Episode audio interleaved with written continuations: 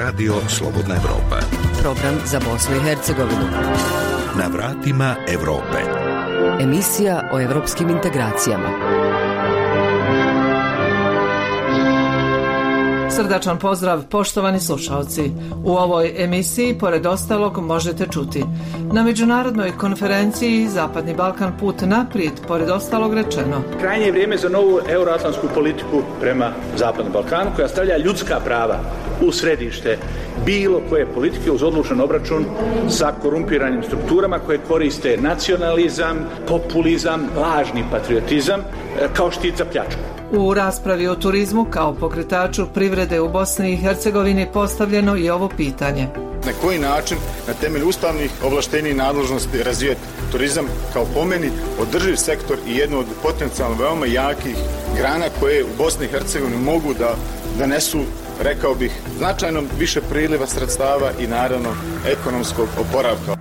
Šta će osigurati Američka agencija za međunarodni razvoj u novom projektu e-uprava namijenjenom bosansko-hercegovačkim opštinama? USAID projekat e-uprava će osigurati softver, hardware i tehničku pomoć za e-potpise, e-građevinske dozvole, inspekcijske službe, socijalne registre i procese javnih nabavki širom Bosne i Hercegovine. Kosci sa Kupresa na UNESCO-voj listi nematerijalne svjetske baštine. Po nekim izvorima dani kosidbe na Kupreškoj visoravni redovito se održavaju još od 1687. godine. A sada opširnije o ovim, ali i drugim zanimljivim temama. Slušajte nas, gledajte nas, čitajte nas. Sve na jednoj adresi slobodnaevropa.org. Od 1. jula u zemljama Zapadnog Balkana maksimalna cijena naknada za roaming u mobilnoj telefoniji primjenjuje se u skladu sa pravilom kao u domaćem saobraćaju, što je definisano sporazumom o sniženju cijena usluga u javnim mobilnim komunikacijskim mrežama u regionu Zapadnog Balkana, kojeg su zemlje potpisale na digitalnom samitu u aprilu 2019. godine u Beogradu, a koji je stupio na snagu 1. jula te iste godine. Majlinda Bregu, generalna sekretarka Vijeća za regionalnu saradnju, ocijenila je kako je 1. juli istorijski dan za region. Ona je podsjetila da je povezivanje bez granica ohrabrujuće za sve, od građana preko operatera, poslovne zajednice do zadovoljnih turista na odmoru. U ovoj emisiji više pojedinosti o ukidanju roaminga iznosi Boris Kujundžić, regulatorna agencija za komunikacije Bosne i Hercegovine. Uvođenjem pravila u roamingu kao u domaćem saobraćaju, korisnici će plaćati usluge u skladu sa tarifnim paketom, odnosno opcijom koju su ugovorili sa svojim operaterom za domaći saobraćaj, odnosno neće plaćati dodatne naknade kada putuju unutar zemalja ovog regiona. Saobraćaj koji se ostvari unutar regiona Zapadnog Balkana, a tu spadaju pozivi, SMS poruke, mobilni internet – bit će naplaćen ili oduzet od bonusa uključenog u tarifni paket na isti način kao da je korisnik kod kuće. Za korisnika će biti isto da li koristi mobilni telefon dok putuje unutar regiona ili ga koristi u Bosni i Hercegovini. U skladu sa pravilom o primjeni politike primjerenog korištenja i procjeni održivosti ukidanja dodatnih naknada za regulisane maloprodajne usluge roaminga i odlukom o cijenama usluga roaminga u javnim mobilnim komunikacijnim mrežama u regionu Zapadnog Balkana, operateri su izvršili izmjene i dopune cjenovnika i kreirali su dokument koji se zove uslovi korištenja roaming usluga u ovom regionu u kojem su precizno definisani uslovi i cijene korištenja roaming usluga a koje su dostupni, odnosno bit će dostupni na web stranicama svih relevantnih operatora. Primjenom nove politike roaminga u regionu Zapadnog Balkana doći će do značajnog unapređenja ukupne pozicije sektora telekomunikacija u Bosni i Hercegovini, čime će praktično biti u potpunosti transponovana uredba Europske komisije iz 2016. godine, kojom se osigurava politika pravilne upotrebe usluge roaminga u članicama Unije, a primjenom europskog principa roaming kao kod kuće biće značajno olakšana komunikacija i poslovanje sa zemljama u regionu. Također značajno je napomenuti da su predstavnici Europske unije, RCC i predstavnici Zapadnog Balkana već započeli aktivnosti na realizaciji mape puta za smanjenje cijene roaminga između Europske unije i Zapadnog Balkana, što će biti naredni značajan korak. Još jednom podsjećamo poštovani slušalci da sada vaša komunikacija, tačnije telefonski pozivi, SMS poruke i mobilni internet obuhvaćena je vašim nacionalnim korisničkim paketom. Minute razgovora, SMS poruke i količina mobilnog interneta koji se potroše odbijaju se od nacionalnog paketa po tarifi koja se naplaćuje kod kuće u državi u kojoj živite, radite ili studirate. Reforme za Europu. U saradnji više međunarodnih nevladinih organizacija, među kojim je i Fondacija Društva zajedničkih vrijednosti, održan je forum koji je okupio u Sarajevu bivše lidere zemalja regiona kako bi razgovarali o europskoj budućnosti. Ovaj skup je posljednji u seriji koje su pripremale i vodile nevladine organizacije kao nastavak projekta nazvanog Zapadni Balkan put naprijed. On je započeo na prvom okruglom stolu održanom na marginama Generalne skupštine Ujedinjenih nacija 2019. godine. U Sarajevu je usvojeno šest ključnih principa za Zapadni Balkan, među kojim su tri posebno važna, naglasio je jedan od organizatora skupa, dr. Zlatko Lagumđija. Prvo, krajnje vrijeme za novu euroatlantsku politiku prema Zapadnom Balkanu, koja stavlja ljudska prava u središte bilo koje politike uz odlučan obračun sa korumpiranim strukturama koje koriste nacionalizam, e, populizam, lažni patriotizam e, kao štit za pljačku. To znači u prvom principu beskompromisnu borbu sa opasnim idejama promjena granica, negiranje genocida i religioznim radikalizmima. E, drugi princip, e, konsolidiranje i ujedinjavanje prozapadnih e, političkih snaga sa jasnim akcionim planom za svaku zemlju pojedinačno kao i za region u cjelini. U to spadaju efikasne evropske i sankcije i sankcije Sjedinja američkih država protiv koji se narušavaju, protiv svi oni koji narušavaju mirovni proces i ljudska prava koji na bilo koji način prijete secesijom. Treći princip je da evropska agenda mora biti u srcu ukupnih procesa. Šta to znači? To znači, znači da se države internog regiona moraju, regiona moraju interno integrirati i onda integrirati kao region, a onda integrirati u Evropsku uniju. Ono što je urađeno sa Sjevernom Makedonijom je jasan primjer kako Evropska unija praktično gubi kredibilitet i da praktično bez novog pristupa Evropskoj uniji u kojem e, se vidi da postoje da istinska želja za proširenjem neće biti ništa. Lagumđija je najavio da će na samitu u Berlinu biti tražena finansijska podrška za nekoliko kapitalnih regionalnih projekata. Prvi projekat je integracija Zapadnog Balkana u jedinstveno tržište Evropske unije sa mapom puta da se uradi u narednih pet godina. To nije zamjena za zajedničko regionalno tržište koje se pod, treba podržati. Zapadnog Balkana niti je to zamjena za članstvo u Europskoj uniji. Radi se o komplementarnim sinergijskim procesima na način koji su to radili svojevremeno sa Švedskom i sa Austrijom. Dakle, dajte da uđemo u Europsku ekonomsku zajednicu i onda ćemo ići dalje. Drugi prijedlog je transportna i digitalna infrastruktura Zapadnog Balkana, koji smatramo da je posle samita G7 pravo vrijeme da Evropska unija i Sjedne američke države krenu sa planovima koji se može ubržati da u narednih pet godina šest glavnih gradova ovih šest država, ponavljam, Bosne i Hercegovine, Srbije, Crne Gore, Kosova, Sjeverne Makedonije i Albanije, da se povežu modernim autoputevima i željeznicom uz izgradnju savremene digitalne infrastrukture. Na ovom skupu govorio je i član predsjedništva Bosne i Hercegovine Šefik Džaferović, naglašavajući da je pitanje napretka regiona Zapadnog Balkana izuzetno važno. Objasnio je i kako on vidi put naprijed, što je bio dio naziva međunarodne konferencije. Put naprijed znači integraciju svih zemalja Zapadnog Balkana u Europsku uniju, znači dobru bilateralnu suradnju između država Zapadnog Balkana, i znači njihovu dobru multilateralnu saradnju. Drugog puta nema. Otvorena pitanja koja imamo sa državama kada je Bosna i Hercegovina u pitanju treba da rješavamo na osnovu dogovora, razgovora, traganja za zajedničkim rješenjima, a ukoliko ona nisu moguća, onda uz striktnu primjenu međunarodnog prava. Riječ međunarodno pravo i institucije međunarodne pravde su ključne za prosperitet i budućnost svih država Zapadnog Balkana. Sve države Zapadnog Balkana moraju bez ikakve rezerve podržavati međunarodno pravo i institucije međunarodne pravde.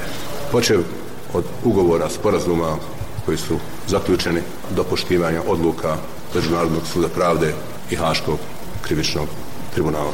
To je mogući put i to je put naprijed. To je put u prosperitet ovog dijela Europe, a prosperitet ovog dijela Europe je jako važan i za samu Europu, jer je historija pokazala da destabilizacija prilika na Zapadnom Balkanu u stvari znači destabilizaciju prilika u cijeloj Europi. Ako se tako budemo ponašali, onda ja vidim svijetlu perspektivu Zapadnog Balkana, a drugačije neće ići. U organizaciji delegacije Europske unije u Bosni i Hercegovini u Sarajevu je održana konferencija Turizam prekretnica ekonomskog oporavka. Ambasador Johan Sattler istakao je da turizam može znatno uticati na oporavak BH privrede. Sjedinjene američke države će putem USAID-a sektoru turizma u narednih pet godina donirati 20 miliona konvertibilnih maraka, istakao je Erik Nelson, ambasador SAD-a u Bosni i Hercegovini. Opširnije Erdogan Katana. Turizam u Bosni i Hercegovini ima potencijal da promijeni cijelu priču kada je u pitanju ekonomija, naglasio je šef delegacije Europske unije u Bosni i Hercegovini i specijalni predstavnik Europske unije Johan Sattler. Uh, Učešće turizma u BDP-u zemlje je nekih 10%, a ako pogledamo susjedne zemlje, ovo je brojka koja sigurno može rasti do 15 ili 20%. To je svakako pokazatelj potencijala kojeg turizam ima, kazao je Sattler. Europska unija je u protekloj deceniji izdvojila više od 10 miliona eura za sektor turizma u Bosni i Hercegovini, a za vrijeme pandemije virusa korona više od 1,5 miliona eura za podršku malim i srednjim preduzećima. Istakao je Sattler, izrazivši spremnost da se ova pomoć nastavi i intenzivira pod uslovom da Bosna i Hercegovina usvoji strateški okvir koji će omogućiti finansiranje Europske unije. Turizam može biti top sektor u Bosni i Hercegovini jer ima dobru polaznu osnovu, ali je potrebno da se kroz jasno definisane politike učini održivijim i organizovanijim. Ocijenio je ministar spojne trgovine i ekonomskih odnosa u vijeću ministara Bosne i Hercegovine Staša Košarac. Cijenim da mi imamo tradicionalan pristup turizmu i cijenim da značajnu aktivnost moramo smjeriti na edukaciju naših ljudi. Mislim da dobru priliku i ispružnu ruku međunarodne organizacije koje su prisutne i međunarodne zajednice ovdje trebamo prihvatiti i vidjeti na koji način na temelju ustavnih ovlaštenja i nadležnosti razvijati turizam kao pomeni održiv sektor i jednu od potencijalno veoma jakih grana koje u Bosni i Hercegovini mogu da donesu rekao bih značajno više priliva sredstava i naravno ekonomskog oporavka. U periodu od 2010. do 2019. godine sektor turizma u Bosni i Hercegovini imao je rast od 250%. Podsjetio je Košarac istakavši da je pandemija zaustavila realizaciju planova svih nivoa vlasti u Bosni i Hercegovini u razvoju turizma. Samo u prošloj godini zbog smanjenja broja putovanja i posjeta uslijed pandemije virusa korona zabilježen je pad turizma od 67,3% u odnosu na 2019. godinu. Kada je u pitanju izrada strateških dokumenta tako Šarac je naglasio da se to treba uraditi u koordinaciji svih entitetskih tijela, jer su to, kako je rekao, ustavne nadležnosti entiteta. Ambasador Sjedinjenih američkih država u BiH Erik Nelson složio se sa ocjenom da turizam može biti top sektor u Bosni i Hercegovini navodeći da je ostalo mnogo prostora za napredak u čemu pomaže i USAID. Naveo je i da je Svjetski ekonomski forum BiH rangirao na 105 od 143 mjesta prema njihovom indeksu konkurentnosti u sektoru putovanja i turizma. Utjecaj pandemije osjetio se širom svijeta, a sektor turizma pretrpio je veliki udar. Bosna i Hercegovina je pretrpjela posljedice obustavljena putovanja na globalnom nivou. Broj inostranih posjeta opao je za 83% u 2020. godini u odnosu na 2019. To je uzrokovalo i masovno otpuštanje u sektoru gostiteljstva i turizma. A USAID se već angažovao vrijedno i radi sa domaćim partnerima kako bi se popravila situacija u ovom sektoru, kako bi se na odgovarajući način i marketinški plasirale informacije o atraktivnosti ove zemlje i na taj način pomogla ovom sektoru. Rezidentna predstavnica UNDP-a u BiH Stelijana Nedera smatra da Bosna i Hercegovina raspolaže ogromnim prirodnim potencijalima, ali da oni nisu dovoljno iskorišteni. I think there are many reasons why Ja mislim da su brojni zaista razlozi, mogućnosti kako da sektor turizma postane ovaj top sektor, a ja ću sa svoje strane naglasiti dva. Prije svega prirodni potencijali, ogromni prirodni potencijali koje Bosna i Hercegovina raspolaže jednostavno ostaju nekako ne, ne, neiskorišteni. UNDP je radio u prošlosti i nastavlja svakako raditi sa zaštićenim područjima u Bosni i Hercegovini. Tu prije svega mislimo na parkove prirode i jačanje njihovog menadžmenta, a koje će omogućiti otvaranje njihovih ljepota za veći broj posjetilaca precizirala je Nedera. Na ovoj konferenciji je predstavljena i analiza sektora turizma, a Sattler je pozvao vlasti u Bosni i Hercegovini prije svega vijeća ministara BiH da uzmu ovaj dokument u razmatranje i usvoje ga kao jednu vrstu obrasca u ovoj oblasti. Iz Banja Luke za Radio Slobodna Evropa, Erdogan Katana. Kao podrška transparentnosti i smanjenju korupcije, Američka agencija za međunarodni razvoj USAID pokrenula je petogodišnji projekat pod nazivom E-uprava u Bosni i Hercegovini. Ovaj projekat vrijedan je 11 miliona dolara i realizuje se u nekoliko opština. Informiše Arnes Grbešić.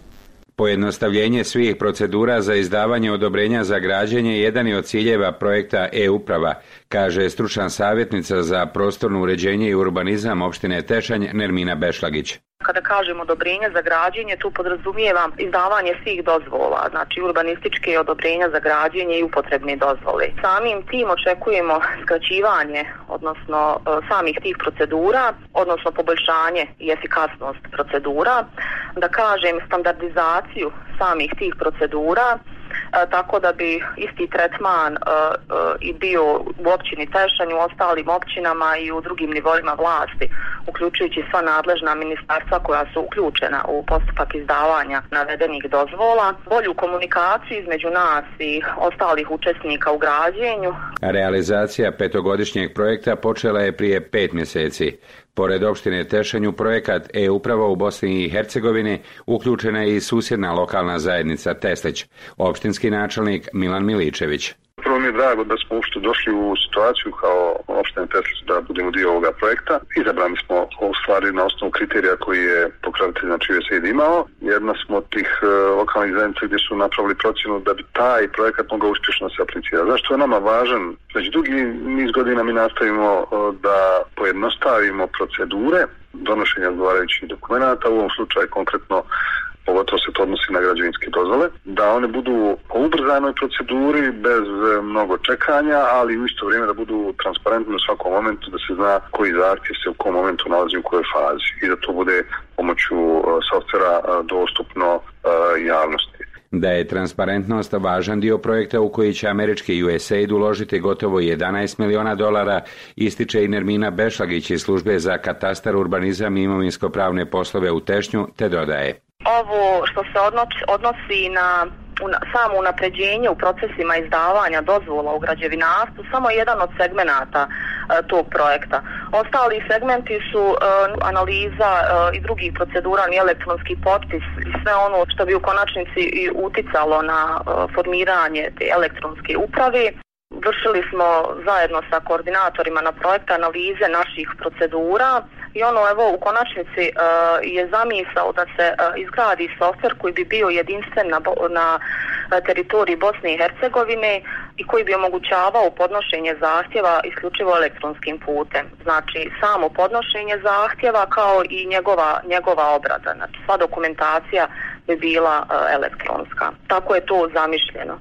Realizacija projekta e-uprava u Bosni i Hercegovini u izabranim lokalnim zajednicama podrazumijeva i analizu propisa koji nisu u nadležnosti opštinske, odnosno gradske vlasti, dodaje Bešlagić. U implementaciji tog projekta niz ograničenja, uključujući i sam zakonski okvir, ta elektronski potpis, znači u sklopu projekta sve bi se to izanaliziralo, pa vjerovatno bi možda došlo i do izmjene nekih zakona kako bi se omogućilo da se ovo ide elektronskim putem. Trenutno, uh, gledajući zakonsku regulativu, mi uh, imamo zakon u upravnom postupku, imamo kancelarijsko poslovanje gdje je tačno ono definisano i moramo imati taj nekakav pisani trag trenutno nismo u mogućnosti da to radimo elektronski. Iako recimo u općini Tešanj vi, mi već dugi niz godina počeši 2009. godine imamo uh, dokument management sistem koji omogućava uh, elektronsku elektronsko vođenje predmeta, a s tim da uporedo sa tim elektronskim predmetima mi imamo pisane, one koji e, po kancelarijskom poslovanju prolaze svu proceduru od podnošenja zahtjeva i prijemne kancelarije na kraju do arhiviranja. USAID projekat je uprava će osigurati softver, hardware i tehničku pomoć za e-potpise e-građevinske dozvole, inspekcijske službe, socijalne registre i procese javnih nabavki širom Bosne i Hercegovine.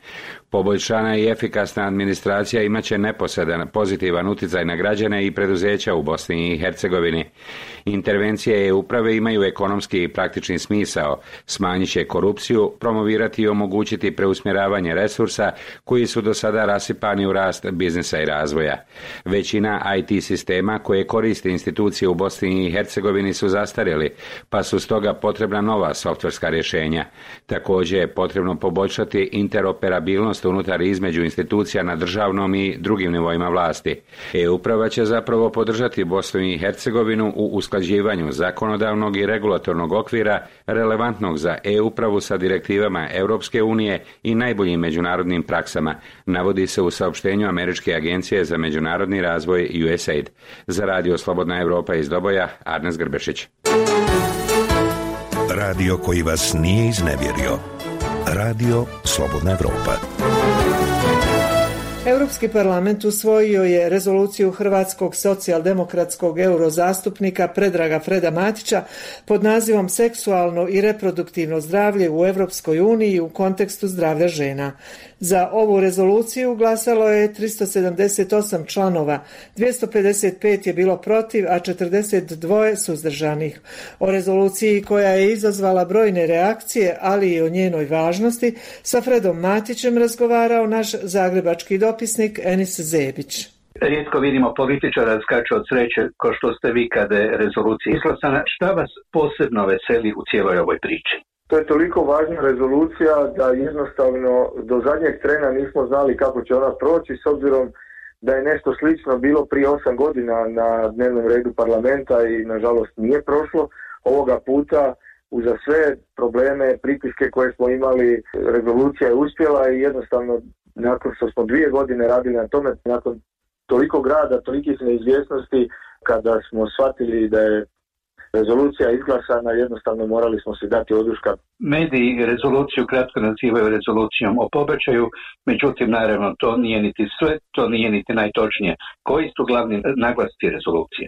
Priča o pobačaju je naravno priča ljute desnice koja o tome govori, dakle kao što i sam naziv rezolucije kaže, seksualno i reproduktivno zdravlje i prava žena, ona obuhvaća puno više stvari nego što je sam pobačaj pa evo mogu, mogu taksativno dati neke stvari o kojima se, se govori u rezoluciji.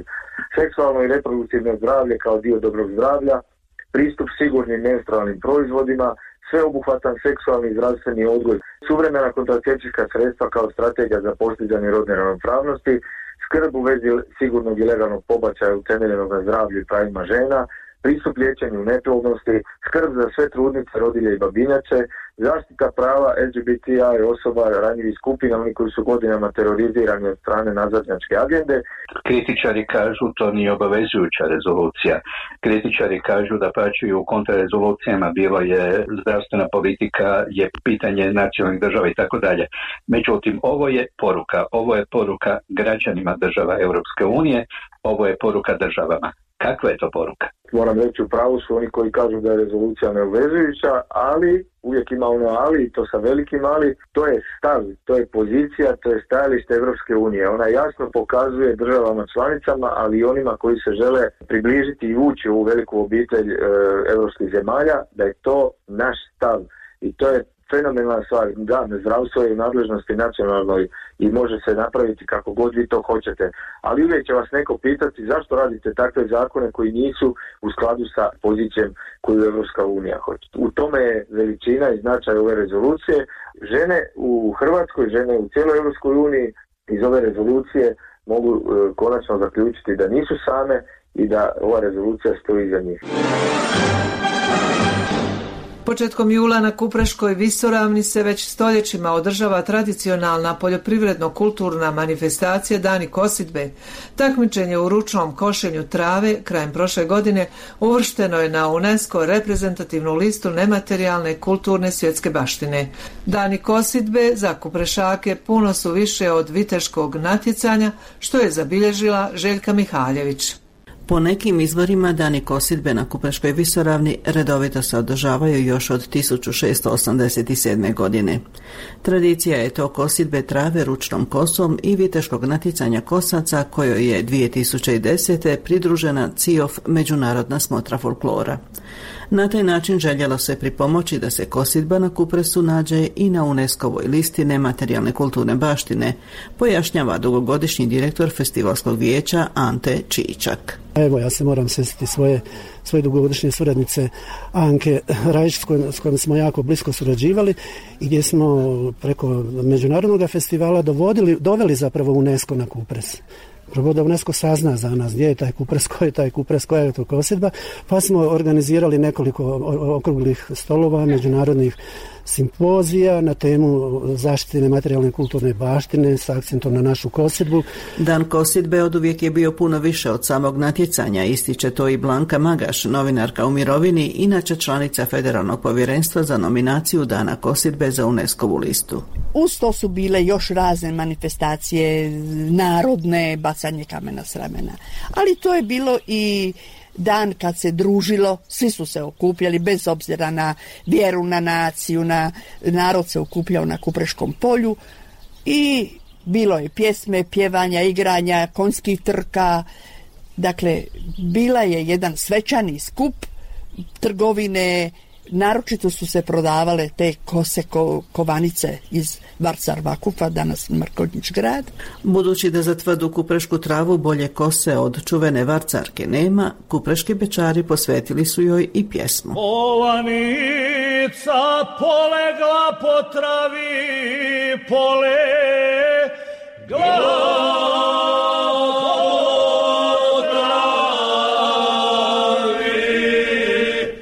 Kosidba trave nekada je bila najvažniji posao na Kupreškoj visoravni na kojoj su zime trajale i po šest mjeseci. I za tih šest mjeseci trebalo je pripremiti dovoljno hrane za ovce, za krave, za konje, da bi e, mogli opstati i preživjeti, jer ovdje se isključivo, dakle, živjelo stočarstva, nije bilo nikakvih drugih resursa. Mjesni fotograf i snimatelj Ivo Ivković Čibara jedva je dočekao da stasa za natjecanje i postane kozbaša. Redovito se natječe još od 1996. Učestvovao sam aktivno, skoro svake godine, četiri puta sam bio pobjednik, šest puta sam bio drugi, pet puta sam bio treći. Koliko znam, kuprišaci svi žive za taj dan i to je dan neke fešte, jednog finog događanja, jednog finog druženja i uživanja sa prijateljima i poznanicima. I bilo je puno tu rađanja i ljubavi i svašta se tu događalo. Bilo bi po par tisuća ljudi. Koševina je bila nešto, nešto zašto se živje. Naš sugovornik s početka priče, Ante Čičak, ističe kako je velika odgovornost za očuvanje tradicije uvrštene na UNESCO-vu listu nematerijalne kulturne baštine. Materijalnu kulturnu baštinu stalno iznova treba održavati. A da bi bila živa, onda se mi u lokalnoj, u lokalnoj zajednici takako trebamo potruditi da tu našu višestoljetnu manifestaciju održimo i u današnjem vremenu, a to je tek sad posao koji dobivaju kupreški kosci, koji su to primili u nasljeđe, da čuvaju, da dalje štite, razvijaju i da kao takvu sačuvaju. S Kupreške visoravni za radio Slobodna Europa Željka Mihaljević. Slike svakodnevnice šta muči ili inspiriše mlade kako prošle političke odluke utiču na našu budućnost. Ove i druge teme slušajte u podcastima Radija Slobodna Europa. Sve epizode pronađite na iTunesu, Spotify, Google podcastima kao i na slobodnaevropa.org. Slušajte odmah ili preuzmite epizodu za kasnije. Tu smo svakog dana. Podcast i radija Slobodna Evropa. Toliko poštovani slušalci u današnjoj emisiji Radija Slobodna Evropa. S vama su bili Zoran Mijatović i Gordana Sandić Hadži Hasanović koji vam upućuju srdačan pozdrav iz Sarajeva.